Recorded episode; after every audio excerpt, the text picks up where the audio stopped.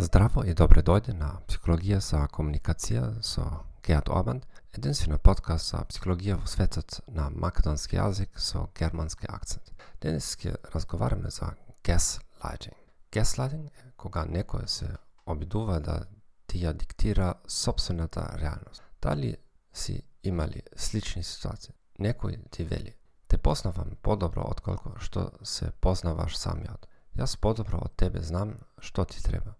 Претерувате со собствените чувства. Вашите чувства се целосно погрешни. Никогаш не ја разбирате ситуацијата. Зошто сте секогаш толку чувствителен?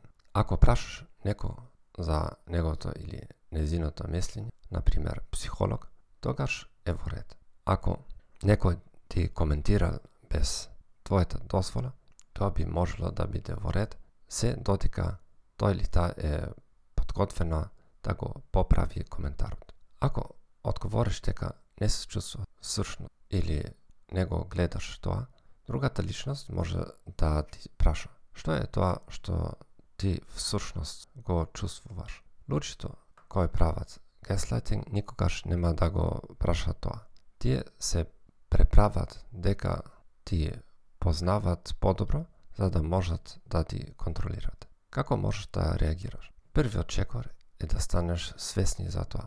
Ако нашите родители или наставници не навикнале на ова, ние најверојатно го прифаќаме тоа како нешто нормално. Тогаш треба да одлучиш дали лицето пред теб е агресивно или ако да, треба да си го кажеш следново само на себе.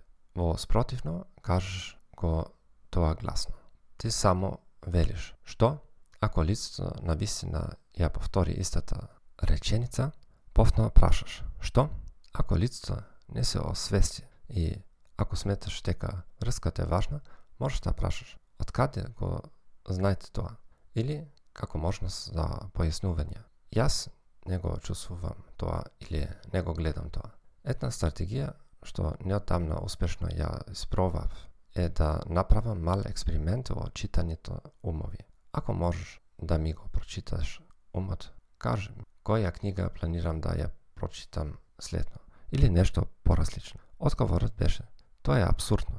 Не можам да ти го прочитам умот. Па, тоа е токму идејата. Ти благодарам што слуша овај подкаст. Посакувам убав ден и спокон.